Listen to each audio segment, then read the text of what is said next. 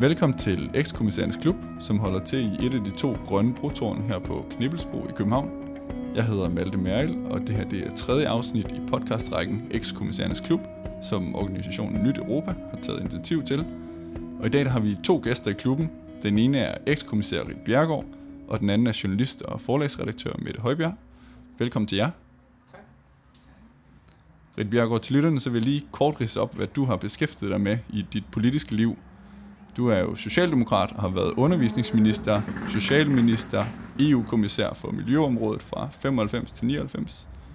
Du har været fødevareminister, og sidst, men ikke mindst, har du så også været overborgmester i København. Og så har jeg været statsrevisor. Og statsrevisor. Det er faktisk også ret vigtigt, så det skal vi mm. lige have med. Sådan. Og ikke mindst også lærerinde. Ja, det hedder lærer. De lærer. Ja. Okay. Og du har valgt at tage Mette Højberg med, som har skrevet en biografi om dig. Øhm, hvorfor har du valgt at tage netop Mette med i klubben her i dag?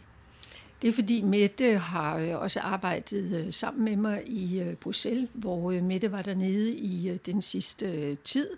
Så kender jeg Mette som en dygtig journalist, og tænkte, at det kunne nok bidrage til, at hun holdt mig lidt i ørerne, hvis jeg sådan blev lidt for lang i spyttet. så jeg tænker, vi skal starte lidt med at prøve at dykke ned i den tid, som du havde som EU-kommissær øh, og som miljøkommissær. Der er jo meget op omkring Paris-aftalen lige nu her, sådan noget, men det hele er jo vel egentlig på måde bundet sammen med Kyoto-aftalen, som du var med til at forhandle i 97. Kan du prøve at fortælle lidt om, hvordan hele arbejdet med at skulle lave en øh, verdensomspændende klimaaftale, det egentlig fungerede? Ja, det var en, selvfølgelig en, øh, en meget stor øh, sag. Det var en, øh, en opfølgning på øh, et par af de konferencer, der havde været før. De kaldes jo for COP, de her øh, konferencer. Og øh, i Kyoto, der ville man så bevæge sig væk fra bare at have hensigtserklæringer. Nu skulle man binde sig til, hvor meget man øh, ville reducere for eksempel øh, CO2, som er det, vi taler mest om. Nu dengang talte vi om øh, tre øh, drivhusgasser. Øh, og det er ikke nogen lige til sag, fordi det betød jo for, at øh, jeg kunne tage til øh, Kyoto. Dengang var det Miljøkommissæren, der havde ansvar øh, for øh, klimaområdet også. Men for at jeg kunne tage afsted og have en øh, stærk position, så skulle jeg jo have en enig kommission bag mig. Det var det første skridt, der skulle forhandles på plads. Så skulle jeg have medlemslandene øh, bag mig, og de skulle jo så øh, forpligte sig på øh, de mål, vi øh, stillede op om, hvor meget man skulle øh, reducere. Og øh, det, var, det var et kæmpe arbejde. Øh, vi fandt så en, øh, tror jeg, meget, meget god ting, øh, som dengang blev kaldt boblen.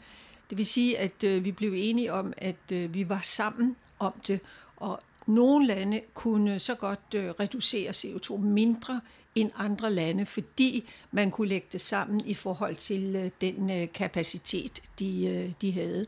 Og på den måde fik vi en, øh, en enighed øh, medlemslandene imellem. Men det gav så anledning til øh, noget irritation, da vi først kom til Kyoto og skulle forhandle, for de synes jo, at det var lidt snyd, at vi sådan havde slået os sammen. Ja, fordi netop det her med, at så kunne EU lave en samlet pulje, hvor de går ind, og øh, nogle lande skulle nærmest ikke reducere nogen. Altså var det nærmest Irland, der kunne få lov til at udlede mere, og Danmark skulle så reducere meget. Landene fik lov til selv at øh, spille ind, og øh, Danmark var meget øh, ambitiøs og øh, spillede ind med øh, et, et stort øh, tal, som de så øh, gav sig lidt på, øh, da det skulle gøres øh, til, øh, til alvor. Men det er rigtigt, at det var vidt forskelligt for, fra landene. Og jeg tror jo i virkeligheden, og det er jo lidt interessant med øh, den situation, vi nu er i, jeg tror, det er et eksempel på, når EU er bedst. Altså, hvor man tager hensyn til, at landene er forskellige, hvor man laver et kompromis, hvor forskelligheden får lov til at øh, fremstå, men alligevel kan øh, optræde i, øh, i enighed. I den bog, jeg sidder og, øh, eller rettere sagt øh, faktisk er færdig med bind 3 af mine erindringer, som kommer til at hedde Udefra, Udefra, der øh, skriver jeg, at tænk, hvis man kunne have gjort noget lignende omkring flygtninge situationen, have taget hensyn til de forskellige lande, men være enedes, sådan at man havde et fælles mål. Det lykkedes i Kyoto. Men jeg tænker, altså det, der var interessant ved at være i kommissionen, nu er det jo ekskommissærens klub, det er jo i virkeligheden, at der var så mange forskellige interesser på spil, inden, altså internt i kommissionen, der var tysk industri ved, ved Bangemand, der var forskellige kommissærer, som havde vildt mange interesser i det her. Så det, der ville være lidt skønt, hvis du kunne fortælle, synes jeg, var, hvordan du internt i kommissionen fik dem med ombord, for det var jo sådan set ret bøvlet inden Kyoto overhovedet, ikke? Ja, altså det startede jo med, at de syntes, det var det rene pjat. Altså det her med, øh, med klima, det afspejles jo lidt øh, nogle gange øh, stadigvæk i dag. Men de havde helt klart den opfattelse, at det var der ikke nogen grund til at, øh, at tage sig af. Men jeg havde på et øh, tidligere tidspunkt øh, etableret et øh, rigtig godt øh, forhold til øh, industrikommissær Martin øh, Bangemann på en lidt øh, sjov måde, fordi han sagde, at øh, det ville sikkert øh, undre tyskerne, hvis han blev lidt mere grøn. Og øh, det tænkte han, det havde de nok godt af, at øh, han blev. Og på samme måde, så ville det sikkert øh, undre mine grønne vælgere, at jeg blev lidt venligere over for industrien. Så det var nok en god handel, at vi øh, snakkede tingene igennem. Og det gjorde vi, og så blev vi enige, før jeg lagde det frem i øh, kommissionen. Og så var det ligesom om, at mange af de kommissærer, som måske ikke havde så meget tid til at få sat sig ind i øh, alle de mange forskellige forslag, de tænkte, jamen altså, hvis den grønne øh, miljøkommissær kan enes med den sorte, for nu at bruge det udtryk, industrikommissær, så er det sikkert fornuftigt nok. Og så var det muligt at, øh, at udrydde de øh, forskelle og, øh, og misforståelser, der var. Så i virkeligheden handlede det meget også om de der personlige forhold. Ikke? Altså, hvad er det for nogle alliancer, man indgår i, før man kan få øh, en politik igennem. Det synes jeg var noget af det, der var interessant ved kommissionen. Ikke? At det ikke bare handler om politik, og man står i hver sit hjørne, men at man faktisk har nogle personlige relationer til de andre kommissærer, og nogen skylder en noget, og man skylder dem noget, og så kan man på en eller anden måde få mingeleret det nemmere. Jamen, øh, det er jo fuldstændig øh, rigtigt, og som øh, dansk politiker er der jo ikke noget fremmed i det. I Danmark har vi næsten altid mindretalsregeringer. Så når man er minister, og jeg havde jo været minister for et par områder, der vidste jeg også, at jeg skulle forhandle med andre. Jeg skulle have gode relationer til de partier, som jeg gerne ville have med til at støtte mine forslag. Og det brugte jeg mange kræfter på. Og den viden og øh, den færdighed, kan man næsten sige, den øh, tog jeg jo med mig øh, i, øh, i Bruxelles. Og så havde jeg jo den meget store fordel, du var selv en øh, del af det, at, øh, at jeg havde et kabinet, det vil sige en øh, gruppe af veluddannede øh, mennesker, som øh, optrådte på, øh, på mine vegne. Og det vil sige, at øh, I, I forhandlede jo også med, øh, med de andre øh, kabinetter, sådan at de kunne forberede deres øh, kommissær på, øh, hvad der nu øh, skete her. Og det var en kæmpe, kæmpe fordel, fordi der er jo grænser for, hvad man kan nå. Men hvis man har sådan øh, seks, øh, syv øh, talentfulde, øh, ret øh, unge mennesker, der, der virkelig øh, klør på, så kan jeg, kunne jeg jo nå meget længere. Mm. Jeg kan huske det også, øh, Kyoto-aftalen ændrede noget for dig som kommissær. Det var i hvert fald den oplevelse, jeg havde, at der, det var nogle hårde år i starten der, og så da du ligesom kom igennem med den, og virkelig fik lavet et fantastisk resultat, så, øh, så blev der en helt anden, meget positiv stemning omkring dig i øh, Bruxelles og i kommissionen, måske ikke i kommissionen internt, men blandt journalister og alle mulige andre, som synes, åh, det havde været lidt tungt og sådan noget. Der var en masse ballade omkring den der dagbogssag og sådan noget. Men tingene ændrede sig ligesom efter Kyoto, hvor du fik markeret EU som sådan en samlet øh, instans. Øh, vi er jo trods alt over 500 millioner mennesker. Altså, så det var virkelig sådan en styrke, at du havde fået lavet øh, Kyoto-aftalen for EU. Altså, jeg så det som sådan en vendepunkt, men det gør, at jeg tager fejl. Nej, jeg tror, du har ret i det, men jeg tror, at vendepunktet øh, kom en øh, lille smule øh, tidligere. Øh, og der er det ikke sikkert, øh, du var nået at øh, komme. Og det var omkring øh, handel med øh, farligt affald. Mm der øh, eksisterede sådan en øh, politik, øh, som gik ud på, at øh, rige industrialiserede øh, lande, de øh, solgte deres farlige affald til ulandene. Det vil sige, at de gav ulandene penge øh, for at øh, modtage dem, og ulandene garanterede så, at øh, de ville øh, behandle det øh, fornuftigt. Og det var jo helt håbløst, fordi når landene ikke selv kunne genbruge det, så er det jo klart, at ulande overhovedet heller ikke kunne. Og det var en af de første øh, store sager, som øh, det lykkedes mig at få øh, kommissionen til at stå bagved, at vi forbød øh, den øh, trafik, sådan at øh, landene og industrierne i virkeligheden selv skulle øh, tage stilling til øh, affaldet fra øh, deres øh, produktion. Og det kom bag på mange, at det var muligt at få en, øh, en enighed i, øh, i kommissionen. Og oven i det kom så øh, Kyoto. Så øh, hele den her Kyoto-aftale, da du sad og havde forhandlet den igennem, så havde du med en følelse af, at nu var det lykkedes, alt det du var taget til Kyoto med, og alle de håb, du havde for, for den her aftale? Nej, øh, det, øh, det var det ikke, og det er det aldrig, når man skal lave internationale kompromiser. Det var lykkedes med en enighed, det var også lykkedes med et øh, resultat, men vi øh, gennemførte jo noget, som øh, fik navnet øh, fleksible mekanismer. Og det betød altså, at man kunne øh, handle med sit øh, CO2-udslip. Øh, og, øh, og lande, som øh, havde et alt for stort øh, CO2-udslip, kunne så handle med nogle af de lande, der ikke havde det. Og på daværende tidspunkt øh, var det i meget høj grad øh, Rusland, fordi det var ikke så lang tid øh, efter øh, sammenbruddet i øh, Sovjetunionen, så de havde ikke noget særligt stort øh, CO2-udslip. Øh, og det var, øh, det var problematisk, og øh, mange af de grønne organisationer var også kritiske af, af samme grund. Og der var ikke andet at sige, end at det var så langt, øh, vi kunne nå i, i Kyoto, og det lykkedes med nogle bindende regler. Det lykkedes at få landene til at, øh, at stå bag det, og så måtte andre arbejde videre med at gøre de fleksible mekanismer så fornuftige som muligt. Så, så de fleksible mekanismer betød, at man lige pludselig kunne handle med forureningskvoter eller CO2-kvoter? Ja, det gjorde det.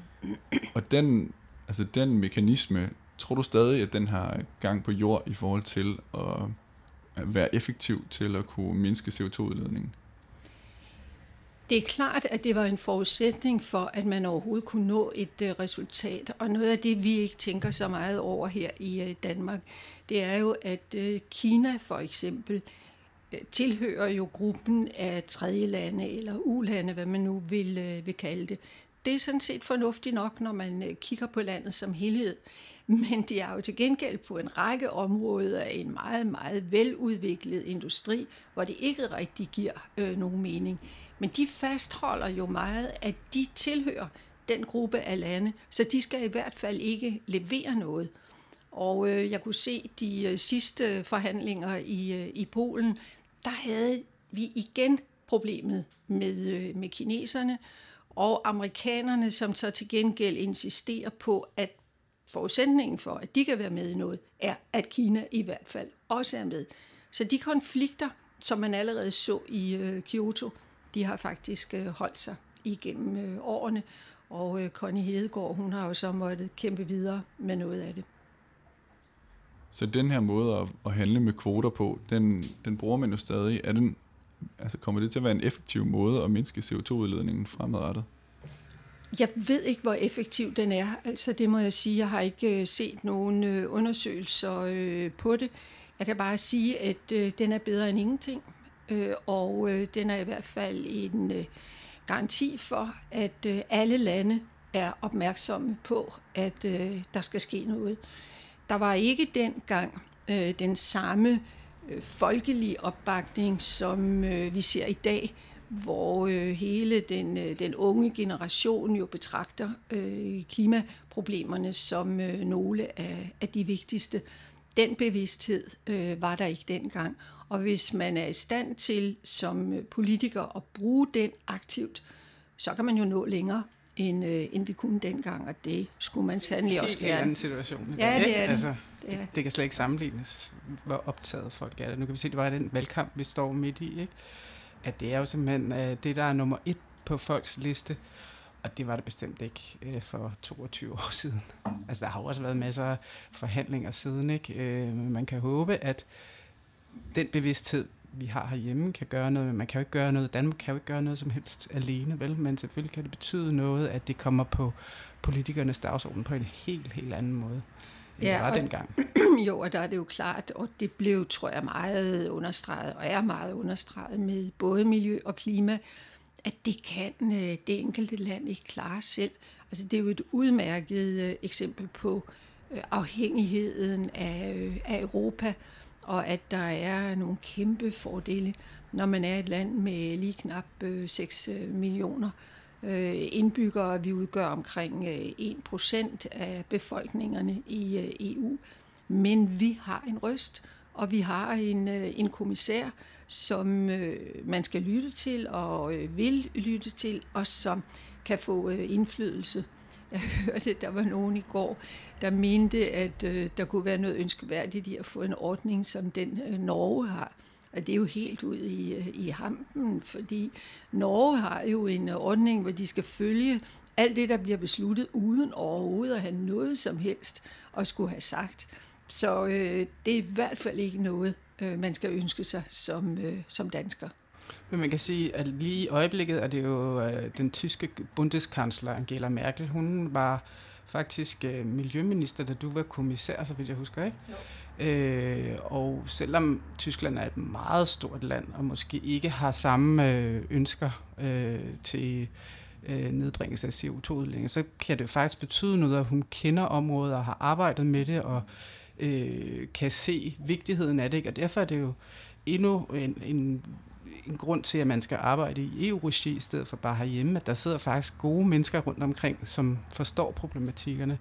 Øh, det tror jeg har en enorm stor betydning. Ikke kun størrelsen, men det, at der faktisk øh, sidder mennesker øh, alle steder, som øh, ved, hvad det her drejer sig om. Ja, det er jo også øh, tankevækkende, at øh, hovedforhandleren i forbindelse med øh, Brexit øh, Michel Barnier, øh, han var også øh, miljø øh, i en, øh, en periode og øh, sad med det. Og sådan kan man jo genfinde personer, der så øh, skifter øh, på, øh, på posterne, men det betyder jo, at, øh, at de så har en, øh, en viden om det, og øh, også godt ved, at øh, det er vigtigere, end øh, man måske lige skulle tro. Som Mette siger, så er der også et helt andet fokus på klimakampen i dag. Så hvordan var det for dig at skulle i 1995 ned og være kommissær for miljøområdet, som måske ikke havde så meget fokus? Altså, du kom ned til et område og til et kæmpe parlamentarisk system og et byråkratisk system, og så skulle du kæmpe for klimaet. At miljø havde ret høj øh, prioritet i Danmark, og øh, da jeg blev øh, udpeget, øh, der bad øh, den daværende statsminister Poul Nyrup Rasmussen og jeg øh, om, at øh, Danmark fik ansvaret for øh, miljøet. Danmark havde haft sådan en tradition for, at øh, vi skulle have ansvar for øh, landbruget, øh, fordi der er rigtig, rigtig mange øh, penge. Øh, og vi havde den øh, vurdering, at øh, det blev der ikke gjort meget ved og derfor skulle Danmark ikke bare holde fast i den øh, post, men øh, have en, øh, en helt øh, anden. Så det var øh, klart mit ønske at få ansvaret for øh, miljøet. Jeg har også arbejdet aktivt øh, med det i øh, 80'erne i, øh, i Folketinget.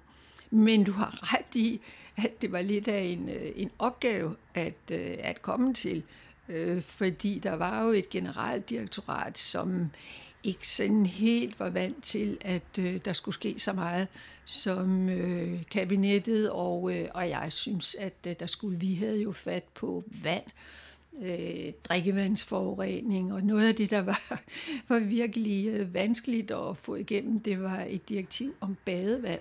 Og så tænker vi, at badevand altså, det kan da ikke øh, spille så stor en rolle. Jo, badevand, det er også søer og åer og floder, og så er man jo straks inde i øh, landbrugsproduktionen og hvad man udleder i det. Så der var enormt store interesser. Så jeg nåede at fremsætte et, øh, et forslag, som overhovedet ikke blev vedtaget.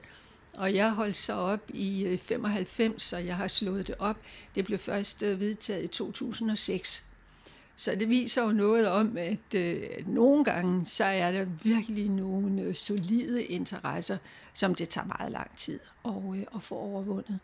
Men jeg synes, det var spændende, øh, og øh, nu hvor jeg sidder og har læst op øh, på det, så er jeg simpelthen også helt imponeret over nåede, ja. resultaterne. Ja. ja. Fordi der er man ligesom sådan skudt det lidt til side, og ja, der var meget, og der var meget modstand. Men når jeg nu sidder og læser, nå, fik, nå, det fik vi også, nå, det, nå, det var da meget godt. Det må være en ret sjov proces at sidde og tænke tilbage på det nu, og i virkeligheden se, hvad I har nået igennem, og hvad der også har ledt frem til de beslutninger, der bliver truffet i dag. Som du selv siger, så er der nogle ting, der kommer igennem i 2006, og nu er der landet en Paris-aftale, som jo også er affødt af Kyoto-aftalen. Hvad, hvad er det, sådan, du er mest, mest stolt over at have nået igennem som øh, EU-kommissær? Jeg er bestemt øh, stolt af Kyoto-resultatet, øh, men der er mange andre. Nu nævnte jeg det med det farlige øh, affald, som jeg også synes var betydningsfuldt. Vi fik også stoppet, at øh, englænderne synes, at øh, når de nu havde de der udtjente øh, boreplatforme, så kunne de jo bare finde det dybeste sted øh, ude i øh, Nordsøen, og så kunne de dumpe dem der. Der var sådan en sag med en øh, boreplatform, der hed Brandspar, som øh, Greenpeace lavede en stor aktion i forhold til, og som jeg bakkede op, og som jeg fik øh, opbakning øh, til, både blandt ministerne og mine øh, øh komis- andre kommissærer. Og det er jo sådan noget, så bliver det bremset en gang for alle, og det kommer ikke op igen. Der er ikke nogen, der mener, at man bare kan dumpe sådan noget i øh, havet, eller at havet skal være en, øh, en skraldespand. Og så er der jo alle de der øh, forskellige sager. Der var en anden sag, der var meget vigtig. Det var de genetisk øh, modificerede øh, organismer, øh, kaldet GMO'er. Jeg siger i, øh, i erindringerne der nummer tre, at øh, jeg tror, det er noget, industrien har fundet på, for det lyder så fredsommeligt. Der er der ikke nogen, der kan have noget imod GMO'er. Sådan nogle små søde øh, GMO'er. Og det dækker jo i virkeligheden over en særlig behandling af for eksempel frø, som øh, betyder, at øh, man ikke bare selv kan øh, tage frøet ud fra de planter, men øh, man sår, og, øh, som vokser øh, op, og at man har nogle frø, som er modstandsdygtige over for et bestemt øh, ukrudtsmiddel, øh, som øh, Roundup. Og det vi opnåede øh, dengang, det var, at øh, selvom man ikke kunne påvise, at det var farligt, så skulle produkter, som øh, var øh, genetisk modificeret, de skulle mærkes. Man skulle vide det ja, som fik lavet sådan en moratorium, var det ikke det? Jo. jo. Som ligesom lavede sådan en pause i, at øh, man måtte udsætte det. Jeg tror sådan set aldrig, det er blevet ophævet, vel? Altså, hvordan fungerer det herhjemme nu? Det ved jeg faktisk, øh, det ved jeg faktisk ikke, men det er klart, at den vigtige pointe, der var, det var, at forbrugerne skulle vide det. Altså jeg tror, det spillede en stor rolle i min tid som øh, kommissær, den der diskussion imellem, hvad kunne for, forbrugerne forlange, og hvad kunne industrien forlange? Og der var EU ligesom dengang lidt tilbøjelig til at tage langt mere hensyn til øh, industrien end forbrugerne.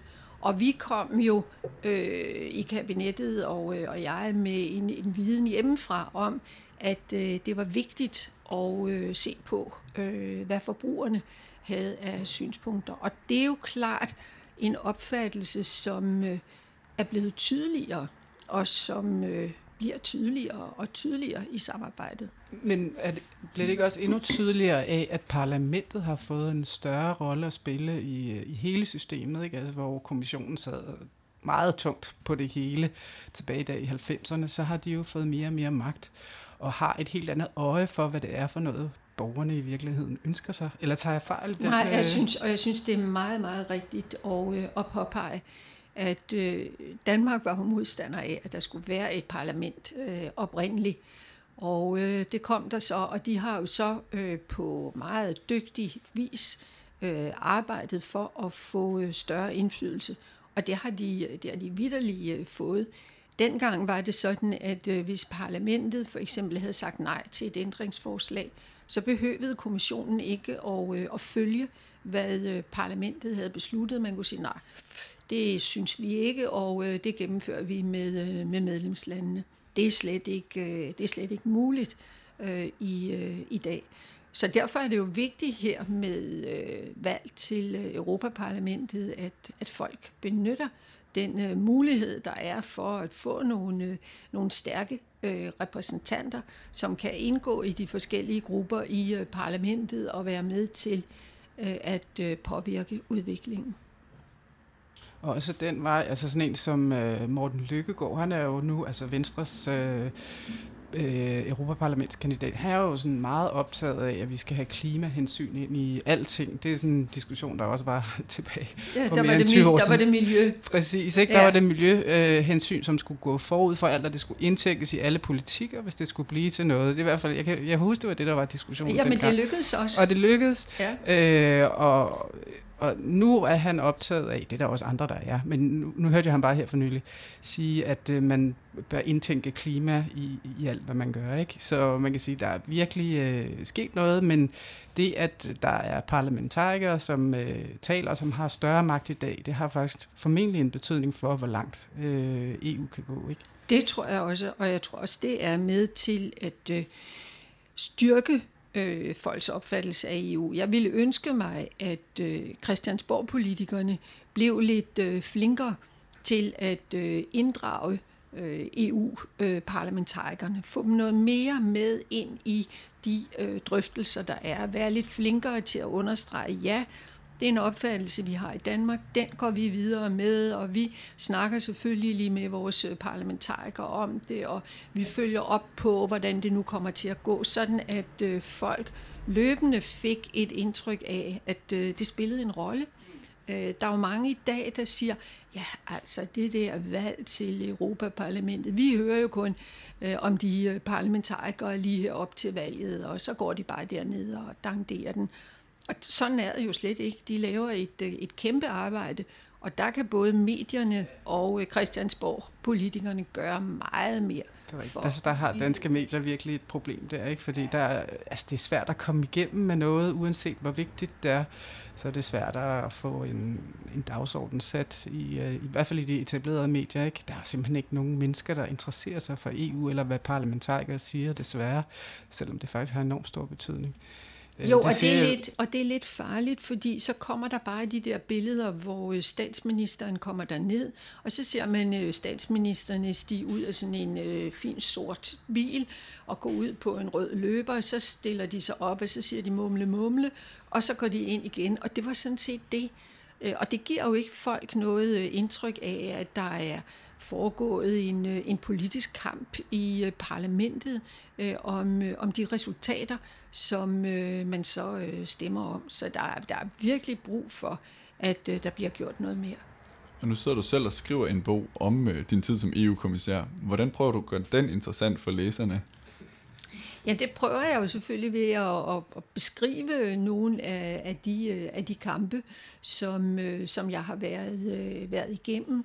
Prøver også at, at forklare, hvad, hvad er det egentlig, når man har sådan et kabinet? Hvad, hvad er det for noget? Øh, sådan et har vi ikke i Danmark. Jeg synes, at øh, danske ministre, de ville virkelig være tjent med, at, øh, at man kunne have det, og at de burde lave noget tilsvarende, fordi sådan en minister, der kommer ind til sådan et stort embedsapparat, så har en enkelt personlig rådgiver, og det er sådan set det, der er, de har jo ikke meget øh, udadrettet øh, kraft, og øh, det ville være dejligt, hvis, øh, hvis de havde noget, øh, noget mere af det.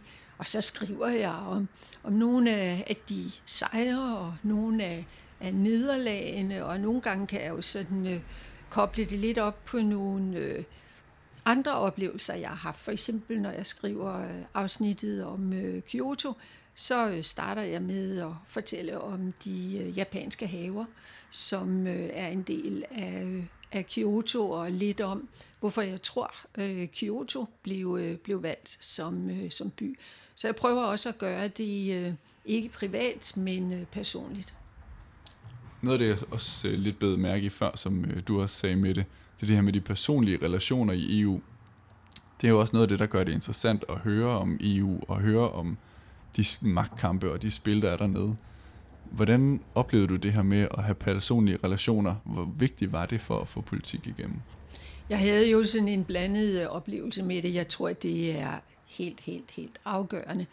Men jeg skrev jo øh, kommissærens øh, dagbog efter de det første halve år, hvor jeg havde været der. og hvor jeg sådan fortalte meget løst og fast. Det var sådan et forsøg på at skrive sådan en meget let tilgængelig bog for alle de mennesker, der nu havde stemt på mig, før jeg gik ud af Folketinget for at blive øh, kommissær.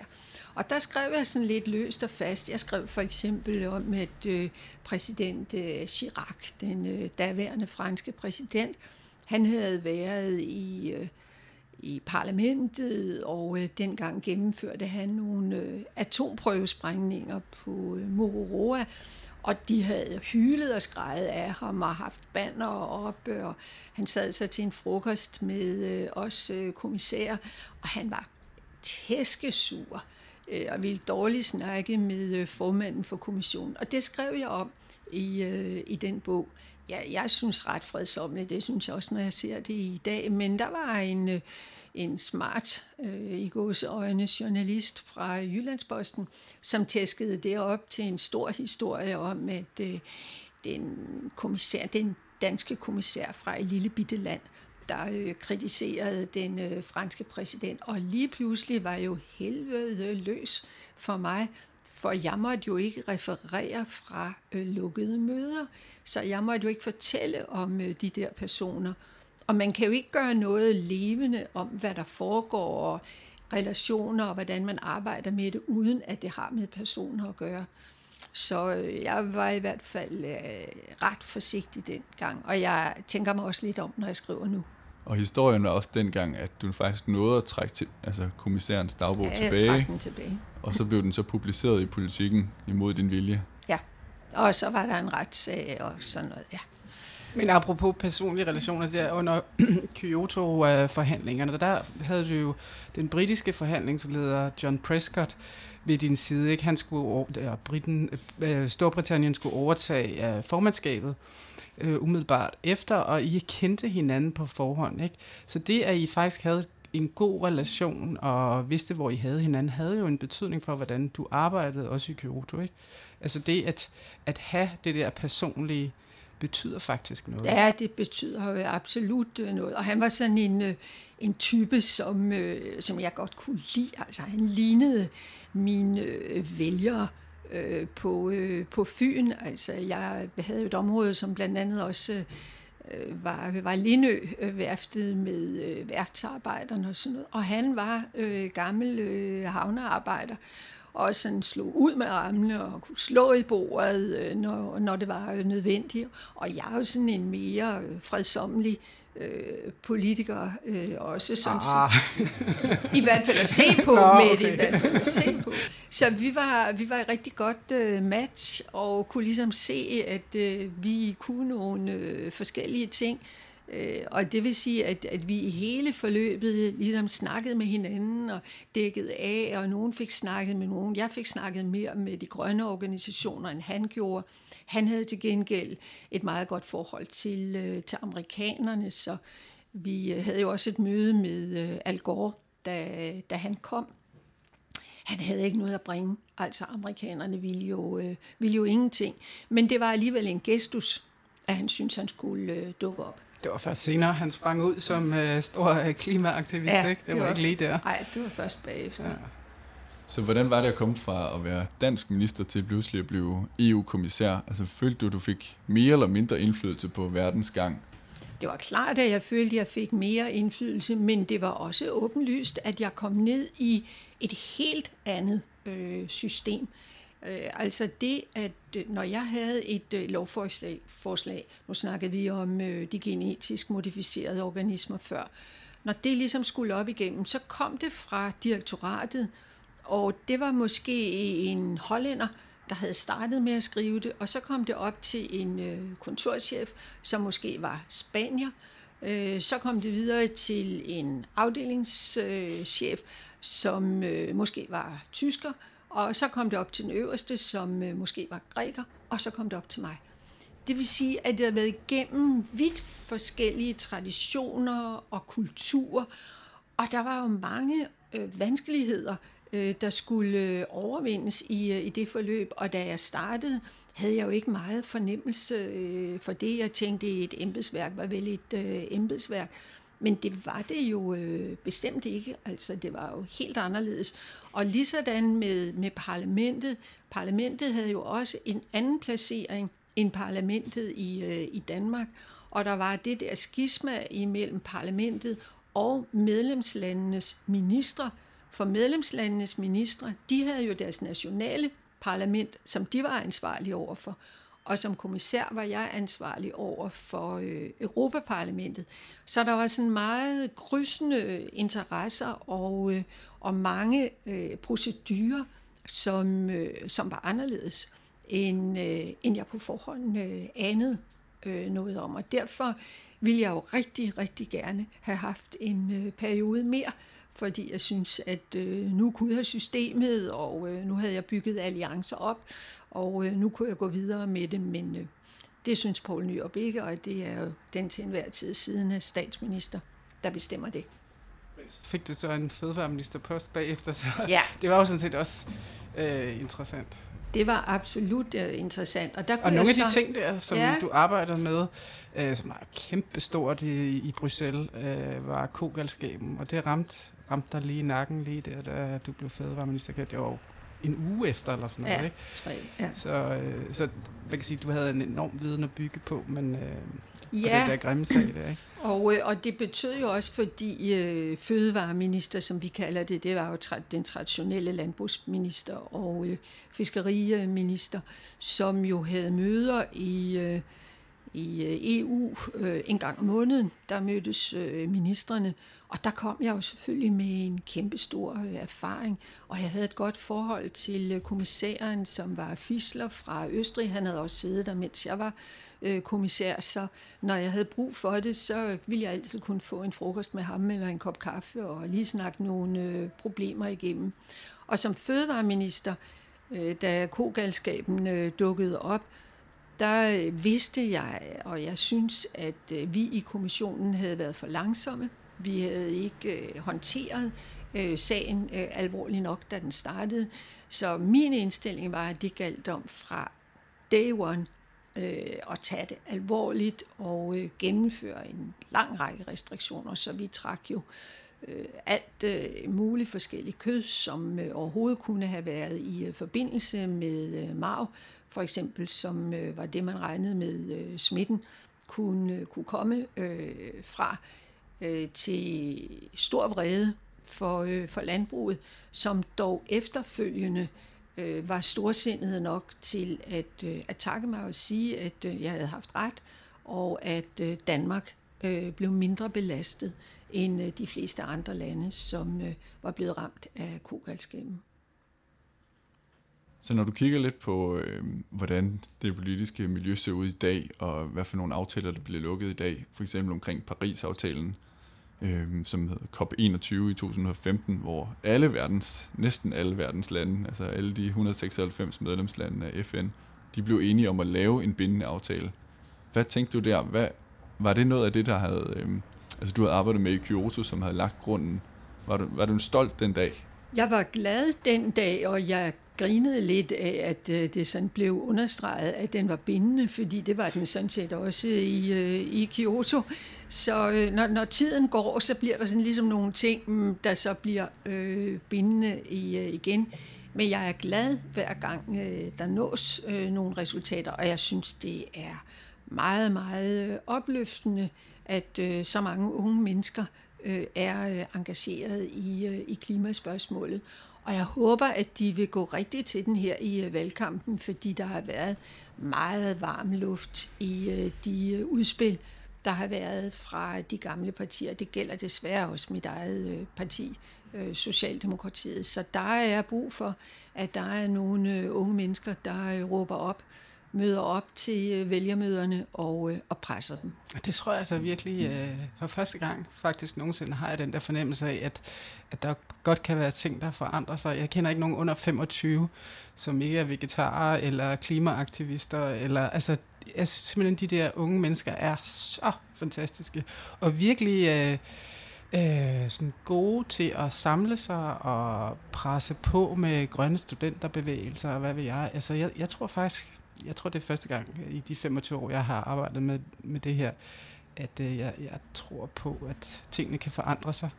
Øhm, det er jo meget interessant. Det kan godt være, man er, at, at det er naivt. Altså, jo, jo, jo. Men, men, øh, Nej, men det, det, tror jeg ikke, det tror jeg ikke, det er. Og det, man kan sige, at øh, i 80'erne, der havde vi faktisk nogle meget engagerede miljøbevægelser, som spillede en øh, stor rolle i, øh, i den politiske øh, debat øh, Øh, jævnfør øh, det, der blev kaldt øh, vandmiljøplanen, hvor de fandt de døde humre, øh, og de blev vist i øh, fjernsynet, og folk var chokerede, det ville de ikke finde sig i, og nu måtte der ske noget, og, og det blev taget op i øh, Folketinget. Der var nogle meget energiske øh, grønne øh, bevægelser, som så ligesom øh, fættede ud øh, igen, og som nu ser ud til at øh, vokse med, øh, med klimaspørgsmålet. Jeg håber, at de hele tiden husker at koble miljøet med.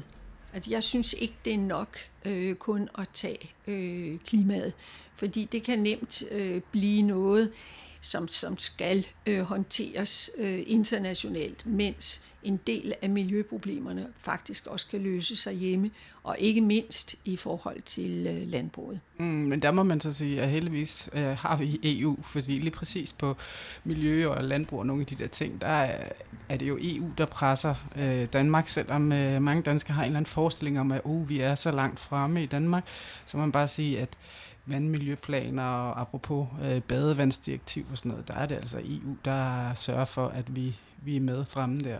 Jo, jo, og der er det jo sådan, at, øh, at øh, Venstre øh, med øh, Lars Løkke og øh, skiftende miljøminister faktisk har taget forbehold. Altså de to forbehold på, at man ikke skulle bruge øh, Roundup.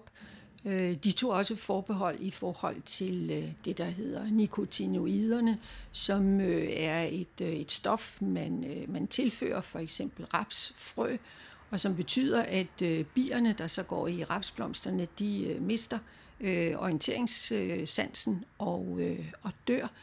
Og der har jeg været dybt bekymret over, at det faktisk ikke rigtig har fået nogen stor plads i, i den offentlige debat at øh, Danmark slet ikke har været frem i skoene, men øh, tværtimod det modsatte. Det er faktisk lidt underligt, ja, det har du ret i. Der tror jeg desværre, bare lidt kort, at det er, handler om, at der ikke længere er nogen fagmedarbejdere på, øh, på de danske medier. Altså, der er simpelthen ikke nogen, der ved nok om det, til at, at bore sig ned i det og sørge for, at det kommer ud til en større debat. Der kommer sådan lidt pip, ikke? Men, men ikke noget sådan for alvor. Det er virkelig sørgeligt. Øh, så kan man sige, at EU her lidt i en krisetid med Brexit, øh, så er det virkelig måske klimakampen, der kan legitimere EU, også hos øh, de europæiske borgere og hos danskerne igen, og gøre EU interessant, fordi det er der, man virkelig kan rykke noget. Ja, men det har jo så som forudsætning, at øh, EU rykker. Altså, det, det virker jo ikke, hvis øh, man så ikke oplever, at øh, det ikke bare er en valgkamp, og øh, alle konkurrerer om at være klimavenlige, men at de i realiteten også arbejder for det efterfølgende, og man kan se, at, øh, at der kommer nogle øh, resultater ud af det. Og det er derfor, jeg gerne vil have klima til at koble sig op på øh, miljø øh, også, sådan at, øh, at man også får taget fat i det. Fordi klimapolitikken er, kræver jo i realiteten en større omlægning af den måde, vi lever på, end øh, de fleste politikere har lyst til at fortælle om. Det er, med nævnte før, måden vi spiser, men det er jo i meget høj grad trafik, øh, Øh, og det vi ser i Danmark for øjeblikket, det er jo et stor opbakning til flere motorveje og en øh, nedtoning af den offentlige øh, trafik. Og vi er nødt til at have den offentlige øh, trafik øh, opprioriteret. Vi er nødt til at opprioritere elbiler i forhold til øh, benzindrevne øh, biler. Så der er ganske meget knyttet til klimaet, som er et reelt opgør med en bestemt måde at opfatte et, et moderne øh, samfund.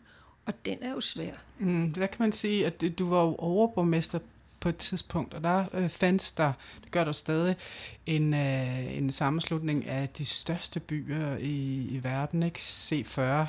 Øh, og der tænker jeg, at det er måske der, man skal sætte sin lid, at det er de store øh, byer, som kan gøre noget, at det ikke er regeringer, men faktisk øh, borgmestre øh, over hele verden, som sidder på en fjerdedel af verdens samlede befolkning, at det er dem, der skal gøre noget, ikke? fordi de er meget, øh, de har konkrete muligheder for at gøre noget. Ja, de er tættere på, øh, ja. på borgerne, og det er helt øh, enig i, da vi havde øh, den, øh, den store kop øh, her i, øh, i, i Danmark og i, øh, i København, lavede jeg jo som overborgmester en øh, parallel øh, møde, kan man næsten sige, eller konference med øh, borgmestre øh, fra, øh, fra hele verden, og blandt andet øh, C40. Øh, og de var meget, meget længere i, hvad øh, de ville.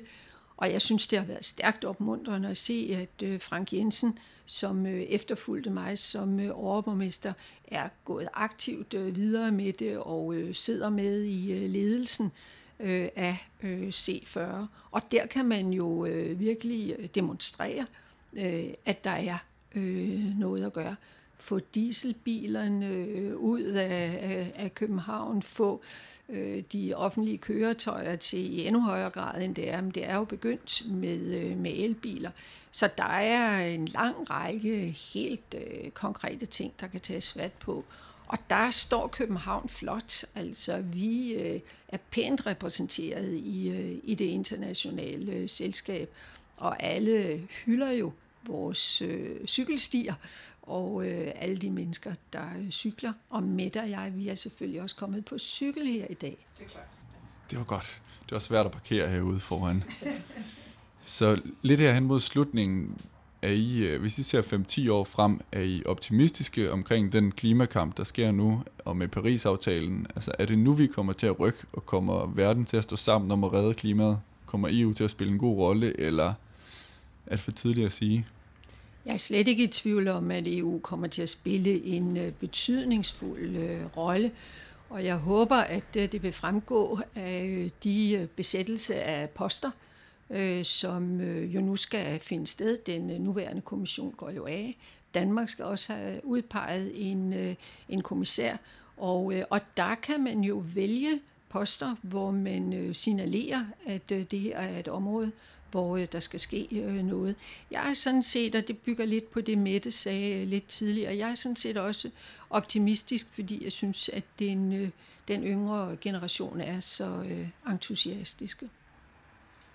Ja, det er det. Altså, det er det eneste, jeg øh, sætter min lid til. Det er de, de unge, gode, kloge, aktivistiske mennesker, som findes derude. Fordi altså, min og din generation, øh, vi er to forskellige generationer, men, øh, men jeg har jo helt klart ikke gjort det godt nok.